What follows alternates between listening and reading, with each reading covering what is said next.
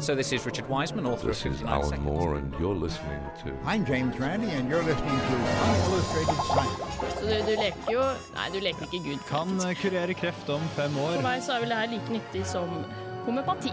Dødsannonsen. Forskningsnytt. Altså, jeg kan ikke lage en hårete planet. Nei, nei. Uillustrert vitenskap.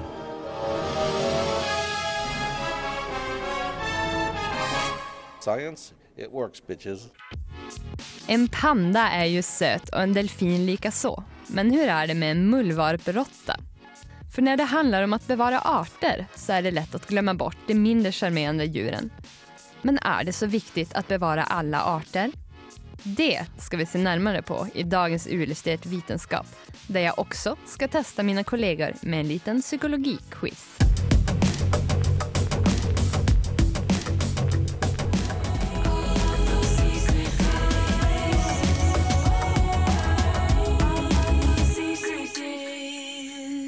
Ja, du lyssnar till Uillustrerat vetenskap här på Radio Revolt och fick precis höra Secret Days av School of Seven Bells. Mitt namn är Sofia Sundqvist och med mig i studion idag har jag som vanligt Ole Eivind Sigerud. Hallo, hallo. Ja, och så har vi en gammal radiosändare, men väldigt trevligt att ha dig med här, Erlend Tveten. Hei, hei. Det er trivelig å være tilbake. Ja. Och Hyggelig du, å ha deg tilbake. Hyggelig å treffe deg, må jeg si. og du skal ta for deg forskningsnytt i dag. Ja, eh, jobber til daglig som eh, stipendiat ved teoretisk fysikk på NTNU. Så det blir litt fysikk i dag, og det Ja. håper jeg at eh, lytterne eh, lytterne kan trives med. Det tror vi sikkert. Og Ole Eivind skal prate litt om hvorfor vi behøver pandor blant annat. Eh, Nei. Ikke, ikke. Absolutt ikke. Nei, eh, jeg leste en eh, kronikk i Dagbladet som het 'Fett med fettkjuke', skrevet av Lars Haltbrekken, som er leder av Naturvernforbundet, og Lene Libe Delstedt, som er fagrådgiver der. Og fant ut at jeg skulle grave meg litt mer ned i temaet bevaring av artsmangfold, og eh, at kanskje de stygge artene kanskje blir litt ignorert. Ja, det skal bli veldig interessant å høre om. Men først skal vi lyssna på Sexy But Sparkle med Deerhove.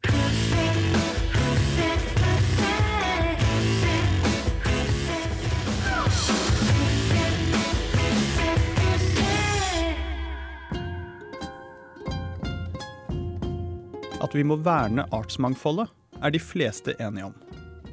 Men hvilke arter skal vi bevare? Gjentatte undersøkelser viser at utseendet er avgjørende. Vi prioriterer dyr vi kan relatere oss til, som pattedyr med øyne foran i ansiktet. Er dyret søtt med babytrekk, stiller det enda sterkere. Er dyret stort, teller det positivt. Det gjør også sosial atferd, som flokkdyr og dyr som tar vare på unger. Og vakre, fargerike dyr, som papegøyer, må selvsagt bevares. Men er du stygg, er utryddelsen nær.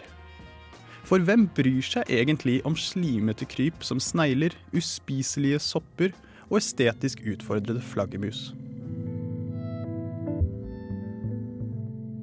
Vil ingen ha deg som kosedyr, vil de antagelig heller ikke mobilisere seg for å beskytte din eksistens. Dette problematiserte Naturvernforbundet i Dagbladet-kronikken 'Fett med fettkjuke' i forrige uke.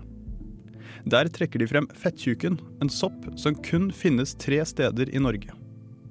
Nå forsvinner antagelig det ene området grunnet veiutbygging på Romerike. Men er det noen grunn til bekymring? Er det så viktig å bevare alle mulige arter? Det er det, og det finnes flere grunner til dette. Vi kan gå glipp av viktig kunnskap når arter dør ut. Mange medisinske virkestoffer ble først oppdaget i andre organismer, og ikke nødvendigvis hos de store og flotte. Verken nesehorn eller tigerpenis har noen medisinsk effekt. Men det finnes utallige eksempler på mindre vakre opphav til medisiner. Kronikkforfatterne nevner en guffen liten sopp som ble funnet på Hardangervidda av en fransk mikrobiolog i 1969. Fra denne soppen fikk man stoffet syklosporin, som nå brukes til å sikre vellykkede organtransplantasjoner. Og i går ble det publisert en studie som indikerer at blinde muldvarprotter kanskje kan bidra til å bekjempe kreft. Riktignok er ikke disse rottene truet, men vakre er de heller ikke. Videre utryddes ikke arter alene. Alt liv er avhengig av annet liv. Og nøyaktig hvilke roller forskjellige arter har i økosystemet, har vi ingen fullstendig oversikt over. Om fettkjuken utryddes, er det altså store sjanser for at den drar med seg en rekke andre arter. Og til slutt kan vi bli sittende igjen med et svært sårbart system. Ja, jag tror att åtminstone fransmännen hade bevarat sniglarna också, eller tror du inte det? Jo, eh, det er vel egentlig lurt å bevare de spiselige sneglene, i hvert fall. Ja, det skulle ta tro. Men uh, du prater mye her om uh, medisiner, og har vi liksom dyre planter? Det er vel bra for noe annet enn å tilvirke medisiner? Ja, eh, nei, det var jo kun eh, et eksempel. De er jo så godt til så mye mer. Eh, Disse fra Naturvernforbundet, i kronikken så nevner de bl.a. at eh, disse artene bidrar til ren luft, rent vann, mat, sikring mot ras og oversvømmelser og materialer til hus, klær og ting. Eh, Mhm. Så til ganske mye forskjellig. De har også et eksempel med elvemuslingen. eh, Som finnes i Norge, men er truet eh, fordi vi har jo drevet vanvittig mye med sånn vannkraftutbygging. Eh, Og den elvemuslingen driver og renser vannet vårt i elvene. Eh, Så det er kanskje greit å ha den der.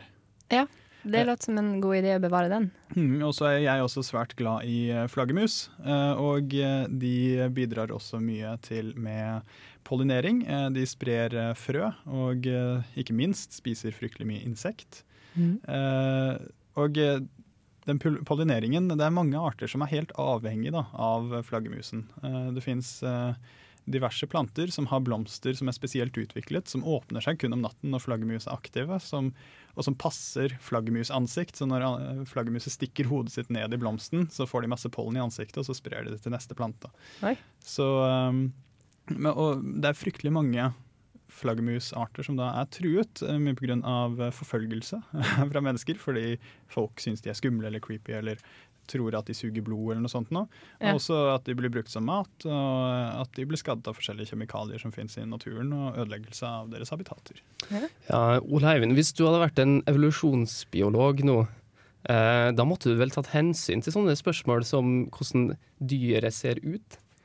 Ja, eh, nei, det er jo mange som har påpekt det at eh, nå så driver vi og eh, forandrer verden sånn at, til, sånn at den blir litt finere, i og med at hovedhensynet vårt er er dette her et dyr folk kan like, så blir kanskje naturen litt penere. Det er penere arter som overlever, men samtidig så hvis vi går glipp av noen viktige stygge arter, så kan det jo hende det hele kollapser. da. Oi, det det det er kosmetika av hele verden her, da, Ja. Liksom. Det er litt bekymringsverdig da, at uh, estetikk uh, skal bli en avgjørende faktor i uh, naturvernsaker.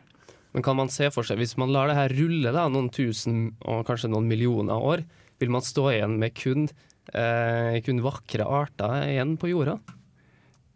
Det er jo kanskje ikke helt utenkelig. Hvis, altså, hvis mennesker fortsetter å være dominerende, så, så kan jeg fint se for meg en verden der alt er pandaer. Bare antagelig spiser litt andre ting enn bare bambus, da, de dumme dyrene. Nei, Kan vi være så ytelige at vi bare skulle kalle til en vakker natur? Men det er jo klart, det er stor skillnad om man går ut i en fin, trevlig skog med vakre blommor eller der allting har brent opp og det er litt Absolutt. Ja. Ja. Men eh, ja, er det, ikke, är det ikke bra at vi beskytter fine då? Eh, jo da, eh, det er det absolutt. Utgangspunktet var bl.a. en undersøkelse som ble publisert i Biodiversity-tidsskriftet, som het The New Noah's Ark Beautiful and Useful Species Only. Den viste da godt at det var pene dyr som ble prioritert, eh, som f.eks. hval, tiger, pandaer og isbjørn, store, intelligente dyr osv. Slike dyr har jo vist seg å være den beste måten å øke bevissthet om og samle inn penger til vern av eh, dyr. Eh, Så det er positivt. Eh, Men de fleste utrydningstruede dyrene er ikke spesielt pene. Det er heller ikke åpenbart nyttige, så de får liten oppmerksomhet og beskyttelse. Eh, Så eh, skal det jo sies at det er viktig å bevare en del av disse store, flotte artene, fordi det er jo en del av dem som er nøkkelarter, som det er helt uh, essensielle for miljøet de lever i. Hvis de forsvinner, så får det katastrofale konsekvenser. Eh, og så blir det sagt at av å beskytte disse artene, så beskytter man også miljøet rundt. Eh, og det Mm. vil også gagne andre arter. men så viser disse undersøkelsene at det faktisk ikke er så mye som tyder på at dette hjelper andre sjeldne og truete arter. Mhm. -hmm. Det hjelper kanskje noen, men eh, absolutt ikke så mange som eh, man eh, skulle tro. Og så brukes jo veldig mye penger til veldig artsspesifikk bistand, som f.eks. oppavl av pandaer, f.eks. Der de ikke beskytter miljøet, men fokuserer alle pengene på avl av en eller annen art. Og Ja, da går det jo heller ikke til disse kanskje viktigere artene. Da. Jag vet at du gillar pando särskilt mycket, eller hur?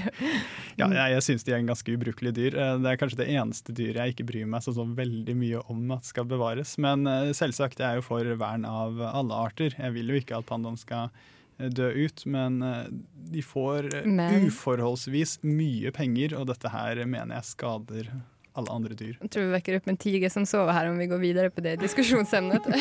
ja, vad, hva, bør man gjøre om man ikke fokuserer på de pena djuren då? Nei, eh, det jeg mener man skal gjøre er å beskytte habitater. Eh, Og eh, man kan bruke disse ikoniske dyrene til å vekke engasjement og samle inn penger. Men pengene bør ikke brukes til veldig artsspesifikk eh, bevaring. Eh, Det bør heller gå til å bevare områder og biotoper som er viktig for en haug med arter. Eh, Og så bør det være mer fokus på eh, andre sjeldne arter spesifikt, som ikke får noe spesielt mye oppmerksomhet. Og man har jo lange rødlister man kan ta utgangspunkt i for å sjekke at det går bra med andre truede arter. Mm. Mm. Ja, jätteintressant. Jag tror att vi avbryter här för att lyssna på en eh, låt först så ska vi fortsätta lite vidare på ämnet. Men här ska ni få höra Snälla med Klabbes bank.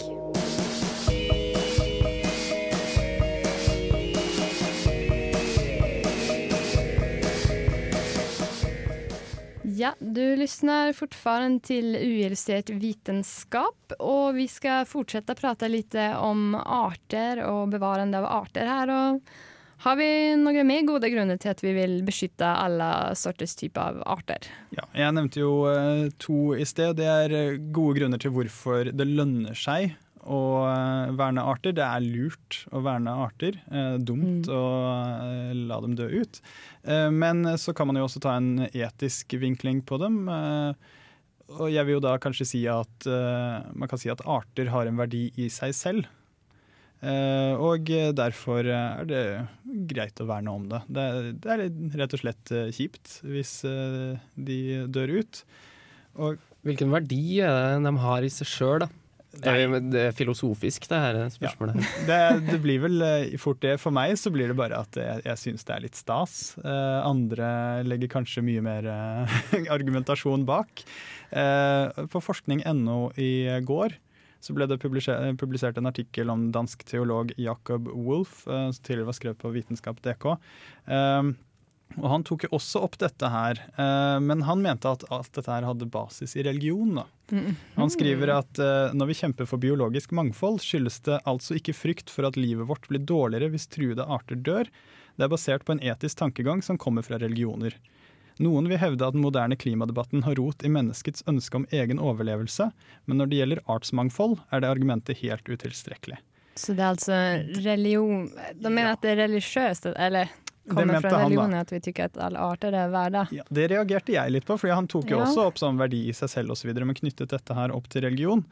Eh, men når han sier at argumentet er utilstrekkelig om det at det har rot i vår egen overlevelse, eh, så fulgte jo ikke han med på det vi snakket om eh, før eh, Tai Seagull her.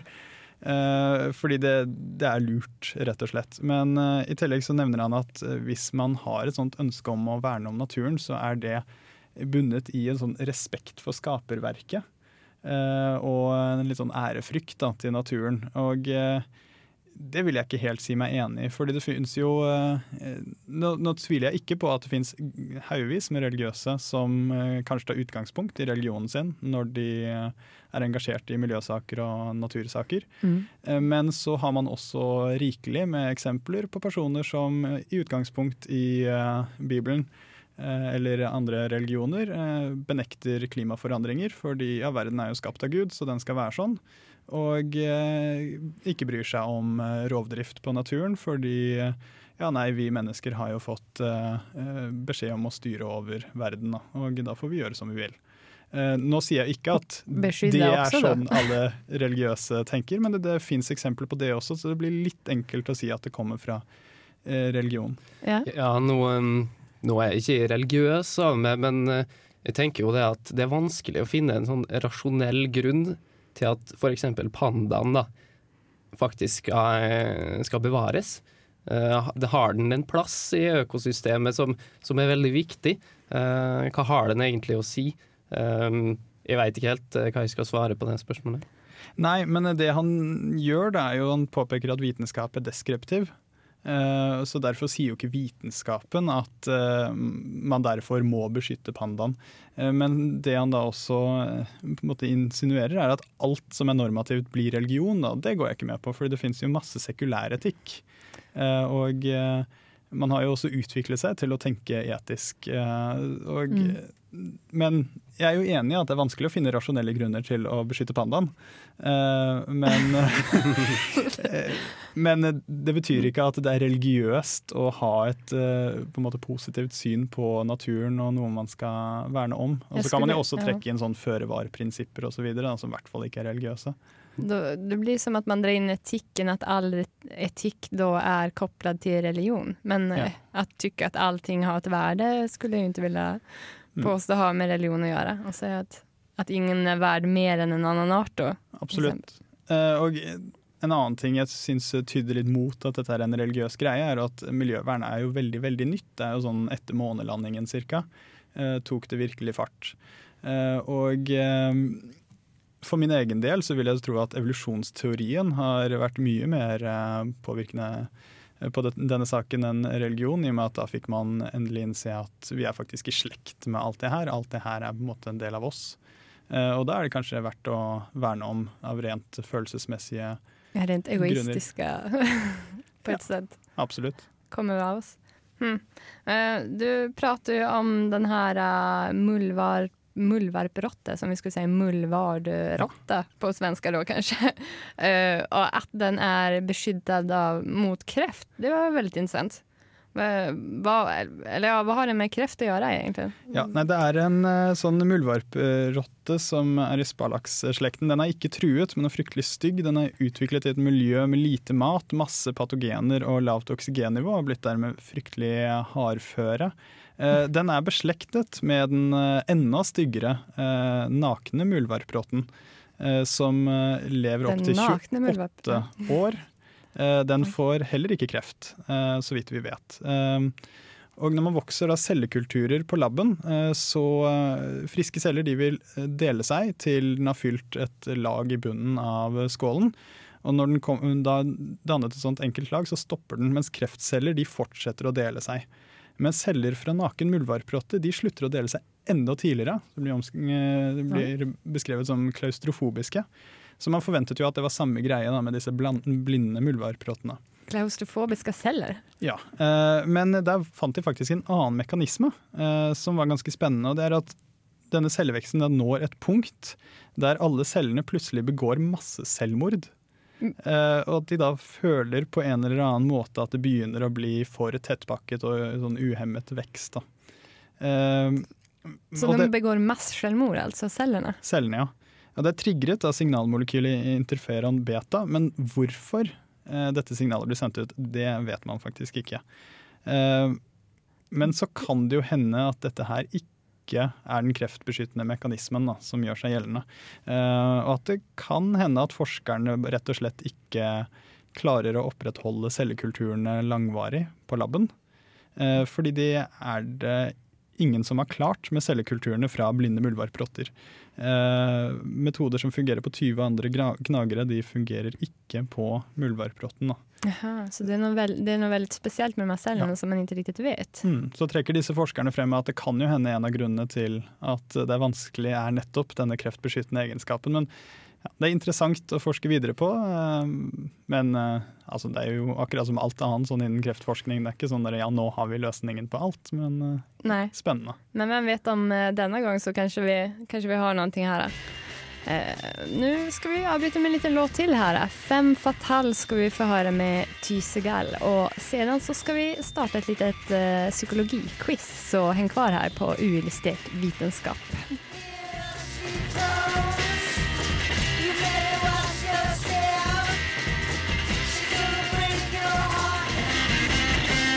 Radio Revolt. Jeg lover er et litet psykologi-quiz her innan jeg har satt ute på internett og lest litt interessant forskning Og nå tykte jeg at mine medarbeidere her skal få gisse seg fram til hva de tror forskningsresultatet har kunnet bli på følgende forskning. Så Jeg er spent. ja, skal vi se. Eh, vi skal ta og lyssna på det første kommer nu. Amerikanska forskare utsatte ett gäng college-studenter för ett antal situationer som disponerade för antingen dating eller hooking up. Till då det var alkohol inblandat, då det var tänkbart att det kunde bli en relation eller när den andra personen hade en härlig personlighet. Sedan frågade man studenterna till vilken grad de hade föredragit att dejta eller hooka upp i samma situation. Man frågade även vad studenterna ansåg vara de största fördelarna och nackdelarna med att dejta eller hooka upp. Dessutom kartlade man studenternas romantiska aktiviteter från de senaste två åren. Ja, nu vill jag höra några kommentarer här. Skal vi begynne, Ole Eivind? Ok, eh, De ble da spurt om forskjellige situasjoner og hvorvidt de ville vært interessert i å hooke opp eller å date. Precis. Eh, ja, da vil jeg jo anta først og fremst eh, alkohol inn i bildet, eh, hook up. Jaha. Eh, hvis eh, det er mulighet for eh, lengre forhold, eh, så er det kanskje mer, mer aktuelt med en date. Mhm. Ja. ja, jeg må nesten være enig, enig i Ole Eivind på det punktet der. Med hookup så mener man vel kanskje at man er ute etter sex, ikke sant? Ja. Eh, Så, Kan også være flört, ja. Ja. Eller kortere. Og så er jo det der snakk om en herlig personlighet, da. Og da det er litt vanskeligere å Ofte blir jo det brukt som eh, eufemisme for at personen ikke er så pen. Eh, men i dette studiet så mener de kanskje at de faktisk har en god personlighet, eller hva? Ja, det var jo ikke spesifisert det? om det hängde ihop med en vakker utside eller om det var relativt nøytralt. Då. Så det vet vi faktisk ikke. Men eh, tror ni det er noen skillnad på menn og kvinnor? Ja, det, det stereotypiske ville vel vært at uh, kvinner uh, var mer interessert i date. Men om det faktisk er sant, det stiller jeg meg kanskje litt skeptisk til. Det er kanskje litt større andel blant kvinner, men uh, jeg tror nok det er på vei til å forandre seg kraftig hvis det fortsatt finnes. Mm. Ja. Jeg også tror at det, det har nok ingenting å si, og i hvert fall ikke på fylla, ser jeg for meg. Ja, ska jag avslöja då att uh, resultatet av den här undersökningen var i alla fall ett uh, på en generell punkt så ville både män och kvinnor hellre dejta än att hooka upp. Men det var dubbelt så vanligt att hooka upp än att dejta när man kollade till de här tvåårsstudien tillbaka i tiden. Mm. Eh, och sen eh, så spurte man även, for det var de personer som var helt övertygade som inte ville hooka upp alls utan bara dejta. Och de var det 41 prosent kvinner jämfört med 21 prosent män. Så det var ganska stor skillnad. Men eh, de som föredrog att hooka upp då framför att dejta var ju naturligtvis 17 prosent av männen jämfört med bara 2 procent av kvinnorna. Så da har man ju dragit eh, slutsatsen att kvinnor hellre vil ha en relation eh, och männen eh, värderar med sin självständighet. Eh, ja, Bekrefter eh, stereotypene. Altså. Det gjør jo lite det da. Men Eh, det her er i USA, ikke sant? Det, det, kan hende at det ikke er samme tilfelle i. Norge. At det ikke er samme i Europa, ja, det er en god synpunkt her. Det ja. Sen eh, så eh, frågade man ju dem om hva som var fordeler og nackdelar med diverse også. Og da viser det seg at det var eh, generellt så svarer de ganske like, Men eh, det fanns olika saker. De var redde for noe, både kvinner og menn, og det var ulike saker. Har ni noen aning om hva det kan vara? Oi. Nei, eh, det var nei. Svåra spørsmål her. Eh, nei, men... Eh, det, Nei, det var vanskelig å vite svaret på. Ja, Kvinner er da redda for at både i en relasjon og når det gjelder en hooking up-situasjon Jeg har inget bra ord på det der på norsk. Har ni det? Hooking up? Det blir Ja, en One night stand, men det er jo Ja. fortsatt et norsk. Fortsatt engelsk versjon, Ja.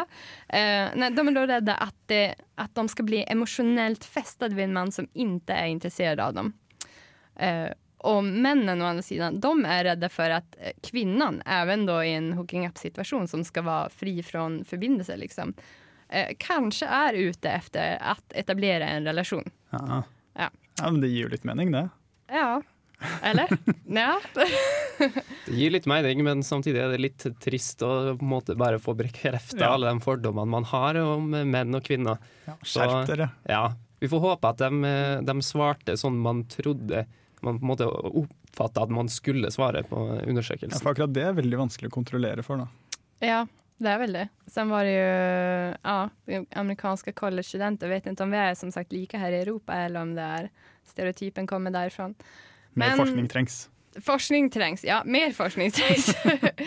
Ska vi ta och lyssna på eh, alternativ eller forskning nummer två? 40 kvinner og 40 menn deltog i dette eksperiment som gikk ut på at deltakerne skulle pumpe opp en datorsimulerad ballong. For varje pumpende fikk deltakeren en større og større summa pengar men ballongen kunne sprenges i hvilken sekund som helst. Deltagarna fick själva välja när de skulle sluta pumpa och fick då sin ihopsamlade pengasumma. Alla deltagare spelade först en gång helt för sig själva. Sedan fick de spela ytterligare några gånger. Men då hade de fått ett fotografi på antingen en attraktiv man eller kvinna eller en baby och som de skulle föreställa sig att de skulle dela vinsten med. Ja, vad tror ni? Blev de påverkade av att se olika bilder på baby eller en attraktiv person? Først uh, må jeg jo ha et oppfølgingsspørsmål. Var det en attraktiv baby? ja, det er jo ikke spesifisert det heller. Det kan jo tenkes at det var ulike Kan- babybilder. Ja. Var, det en panda-baby? Ja. Nei, min eh, første tanke her er at uh, hvis man uh, blir vist bilde av uh, en av motsatt kjønn, eller i hvert fall menn, hvis de blir vist bilde av en attraktiv kvinne, så bør de ha lyst til å vise seg frem, og dermed blåse opp ballongen lengre. Uh, altså ta en større risk. Mens uh, hvis man ser en baby, uh, så vil man kanskje beskytte den ungen, og da være litt mer forsiktig. Og jeg vil jo egentlig tro at det samme vil gjelde kvinner, Mhm. Eh, men hvem vet? Kanskje det gjelder kvinner i enda større grad enn eh, menn. og At det er beskyttelsesinstinktet, at du ikke kan gamble med en baby, det Men- er viktig for kvinner. Men kanskje litt mindre på det å vise frem og ta større risk. Kanskje. Men det, er- det er gamblinginstinktet som kommer inn her, tror jeg. Og em, hvis du da skal dele det med noen, så er jeg egentlig enig med det. At jeg tror at det handler om å vise seg frem. altså. Ja. Nej, jag har ju svaret här då. Resultatet visade att kvinner kvinnor som sagt blev mycket försiktigare när de fick se en babybild då, eller spille spela med den här. Ja, Enerett? Det blev inte männen. Å nei. En Nej. på meg. Og och männen tog mer risker när de fick en bild på en man. Och det förklarar man då med att Oh, ja, ja. män är tävlingsinriktade och vart då triggade till att spela ännu längre. Uh, Medan risktagandet eh, var konstant når de fikk en bild på en kvinne. Mm. Såpass. Det er overraskende. Akkurat det var overraskende. Man må jo vise seg frem. Vise, vise man hva det er. Ja, ja, Men det gir jo veldig mening det at eh, de eh, konkurranseinstinktet vekkes da når de ser en annen mann. Ja, og det at man ikke øker risktagandet det forklarer man det med at när, eh, eller man drar paralleller til livet i, ute i verkligheten man skal så, att eh, när en man är i en relation så känner han att eh, han, är lite, han har det lite på det trygga, han behöver inte visa kvinnorna sin uppmärksamhet. Därav så minskar det här behovet av spel, ja, av gambling. Uh, vi ska ta och lyssna på den sista, den kommer här. I Florida har forskare tagit reda på hur en persons bakgrund påverkar de val vi gör som vuxna. Ett hundratal män och kvinnor fick svara på enkäter om deras uppväxtmiljö med frågor som berörde socioekonomisk status och om de inom familjen hade utsatts för försummelse, våld, brott, konflikter med mera. Men först fick deltagarna sätta sig ner och spela ett spel där antalet poäng som samlades ihop under spelets gång fick tas ut som pengar då alla spelomgångar var klara. Spelet byggde på att deltagarna var en tjuv och att denne spelade tillsammans med en deltagare som satt vid en annan dator. Båda blir till slut tillfångatagna av polisen. Om ingen sladdrar får båda en månads fängelse. Om båda sladdrar får båda ett års fängelse. Men om bara en sladdrar så får den andra två års fängelse och den som sladdrar går fri. Ja, hva tror vi om det her da? Er det noen påvirkning av hvordan man har hatt det under sin barndom? Det kan jo godt hende. Altså, først av alt eh, så eh, Det lureste er jo å ikke sladre. Det bør alle gjøre, men, eh, men så enkelt blir det jo ikke. Og det handler jo om litt om, om du kan stole på den andre. Og da kan det jo hende at personer som har opplevd vold tidligere, har vanskeligheter med å stole på andre, og dermed vil sladre. Ja. Eh, Men Men samtidig så er det, er det enkelte, enkelte som sjøl om de har opplevd litt vanskelige ting, så kan de godt ha en sånn sterk følelse av at man ikke skal sladre eh, på andre. Så ja, ja, ja. Ja, Hvis man selv har vært kriminell, så eh, er det jo ofte i sånne miljøer veldig sånn strenge regler om at man ikke skal være snitch. Da. Så, men hvis man bare har f.eks. for eksempel hatt voldelige foreldre eller eh, noe sånt, nå, så ville jeg jo tro at man kanskje stolte mindre på andre og dermed ville sladre. Men akkurat sosioøkonomisk eh, eh, status, da, der vet jeg ikke helt hvordan det ville slå inn, bortsett fra at eh, både kriminalitet og sånn er jo større i eh, lavere sosioøkonomisk status. Så kanskje det også ville slå ut på den måten. Men eh, der er jeg ikke nødvendigvis like sikker. Det, Så vi ender opp på, på motsatt eh, tilfelle her, da. Så da får jeg tippe at, eh, at dem som har hatt det litt vondt i barndommen, dem eh, går for å ikke sladre. De blir gode mennesker, Liksom. Mm. Nei, mange interessante teorier her. Uh, skal vi høre. Om, for kvinner, da, så finner man ingen koppling mellom uh, verken en barndom preget av vold eller låg sosioøkonomisk status. Ja, det er litt overraskende. Är det det? Ja, ja, ja. ja, Ja, ja. Eh, men för männen då, eh, så hittar man inte heller någon koppling mellan låg socioekonomisk status eh, Men de som hade varit präglade av en stökig bakgrund under sin uppväxt eh, de var benägna att sladdra mycket tidigare i spelet då. Och även att, att hämnas på partnern om den hade sladdrat i en tidigare omgång. Förklara er Ja. själva. Mhm. Mm. syns jeg gir mening. Gör det? Ja. ja det, det gjør jo det, men man må jo komme med sine hypoteser, da. Ja. Ja, de hadde, forskerne hadde teorier om det her også, da. Og det er at om man vokser opp i en verden som er ostabil så blir man programmert med å ta belønninger som ligger framfor en. Man liksom tenker mer kortsiktig og på seg selv da, eh, än allmänt. Men eh, nå skal vi faktisk gå videre til en ny låt her. Vi skal få høre på Concord med Sunswitch. Og sen så skal vi lyssna på Forskningsnytt. Så häng kvar här på Uillustrerat Vetenskap.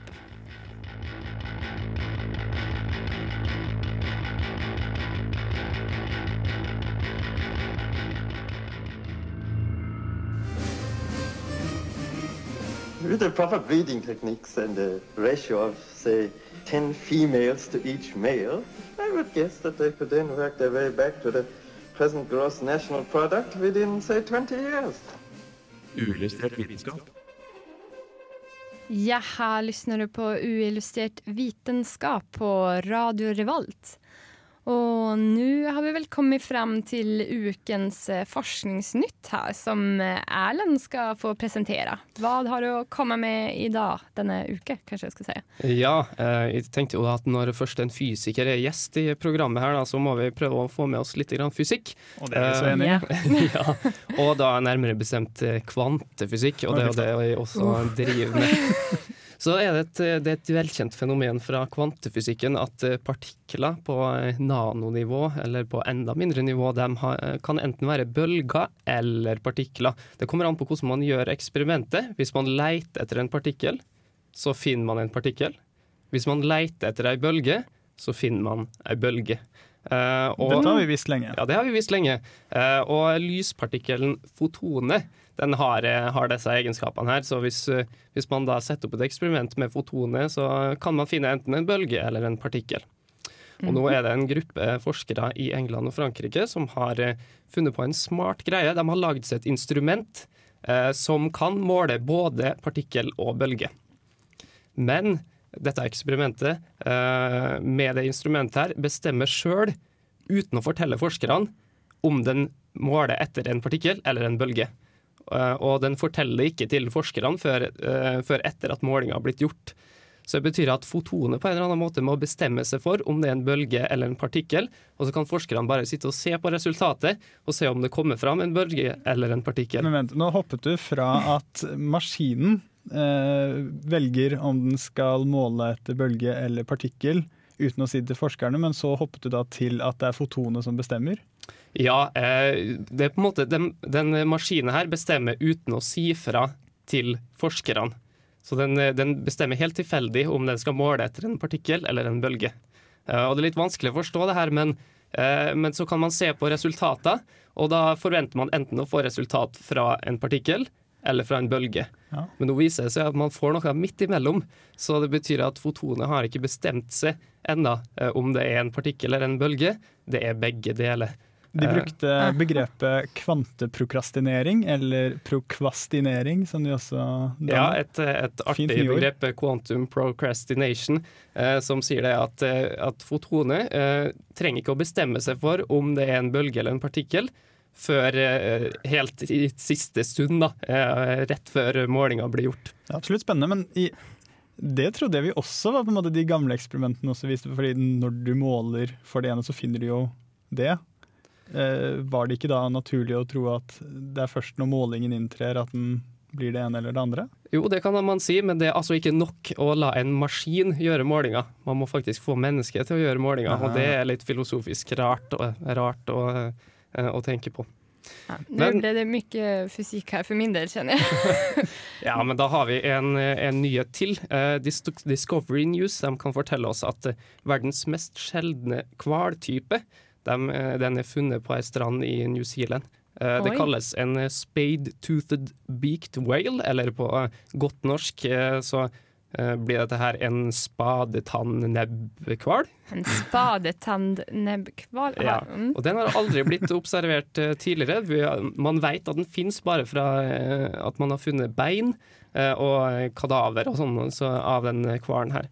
Men det, det, triste med de dårlige nyhetene her er imidlertid at at hvalen som var funnet på ei strand eh, i New Zealand, det var en mor og en baby, den mm. døde etter hvert, da. Nei. Mm, dessverre. Så det kanskje var den første og den siste, forhåpentligvis ikke? Kanskje, men nå vet vi i hvert fall at den er til stede. Mm. Ja. Og at den ikke er utdødd, det visste man ikke før nå. Ja, det får vi trøste oss med. Kjempeinteressant. Eh, vi skal kjøre en ny låt her igjen. Eh, her har ni John the Conqueror med 'Say What You Want'.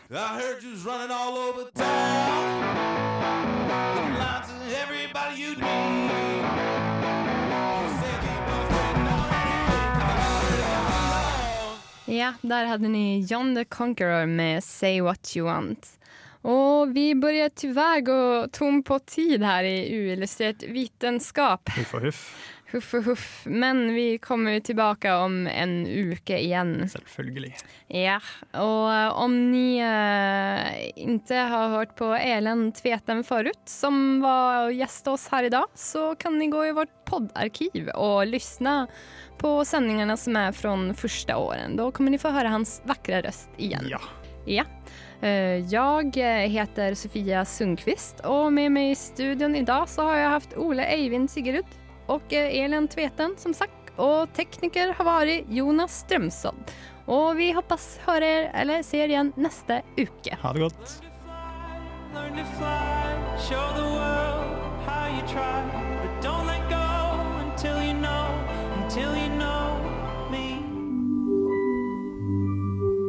Uillustrert vitenskap er Midt-Norges eneste teknologimagasin på lokalradio.